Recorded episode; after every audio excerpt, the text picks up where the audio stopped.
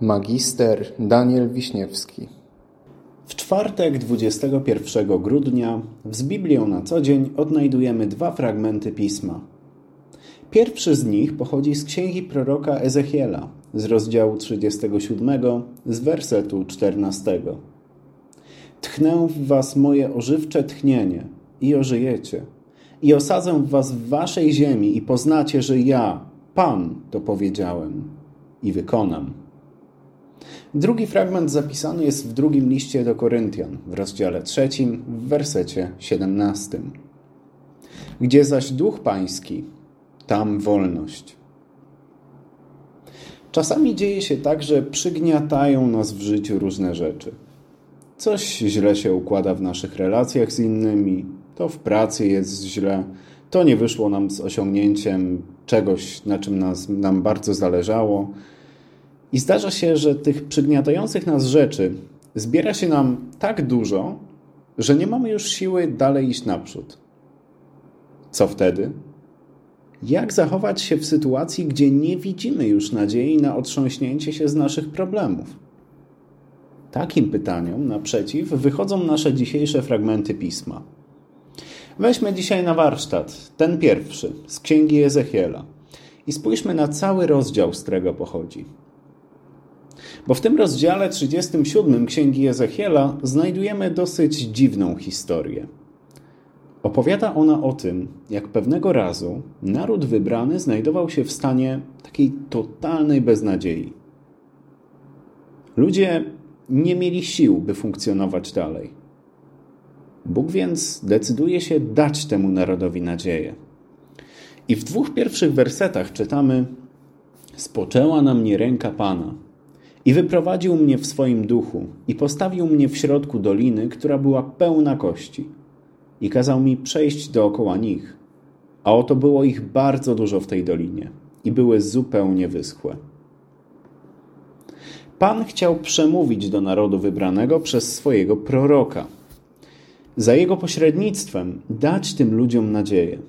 Natomiast, żeby to miało sens, to prorok musiał zobaczyć na własne oczy jakiś dowód, który by mu udowodnił, że Pan naprawdę jest w stanie odmienić ich los. Pan musiał go przekonać. Żeby więc fizycznie pokazać prorokowi swoją wszechmoc, wziął go na nietypową wycieczkę do doliny pełnej ludzkich kości. Trochę nietypowe miejsce na zaczerpnięcie nadziei, no ale czytajmy dalej. I rzekł do mnie: Synu człowieczy, czy ożyją te kości? I odpowiedziałem: Wszechmocny Panie, Ty wiesz. I rzekł do mnie: Prorokuj nad tymi kośćmi i powiedz do nich: Kości wyschłe, słuchajcie słowa Pana. Tak mówi wszechmocny Pan do tych kości.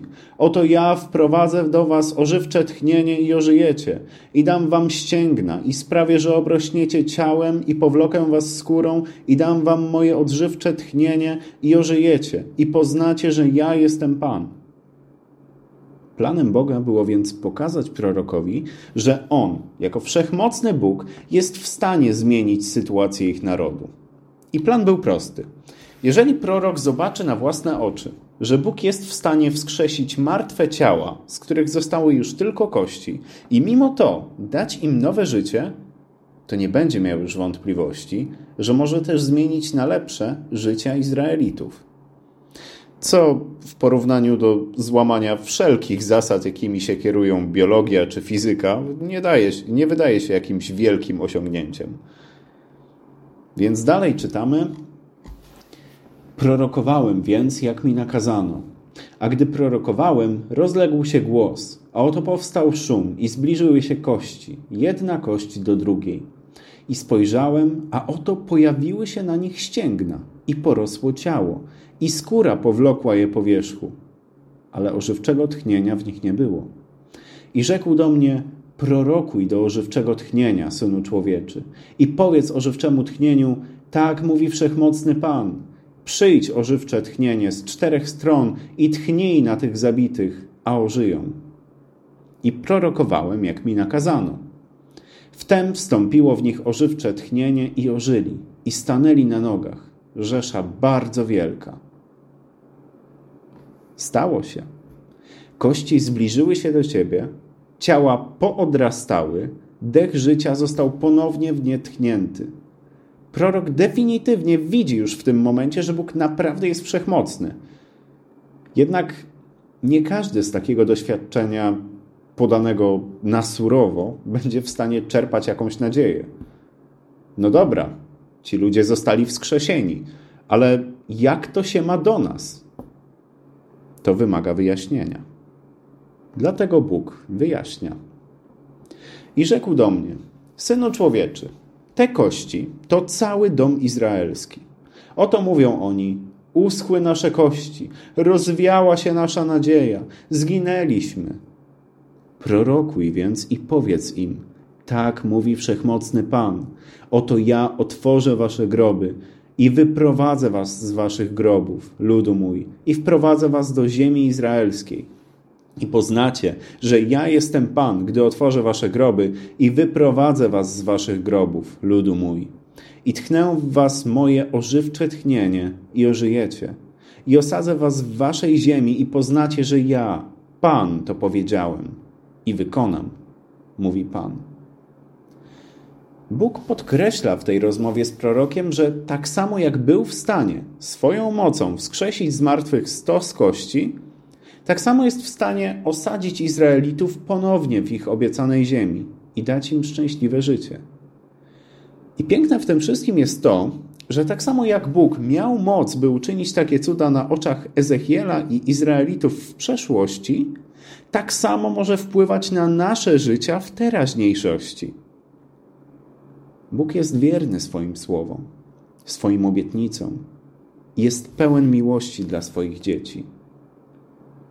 Dlatego za każdym razem, gdy pojawią się na drodze naszego życia jakieś przeszkody, które nas przygniotą, niezależnie od tego, czy jest ich niewiele, czy może dużo, przypominajmy sobie wtedy, w takich właśnie chwilach, historię Ezechiela.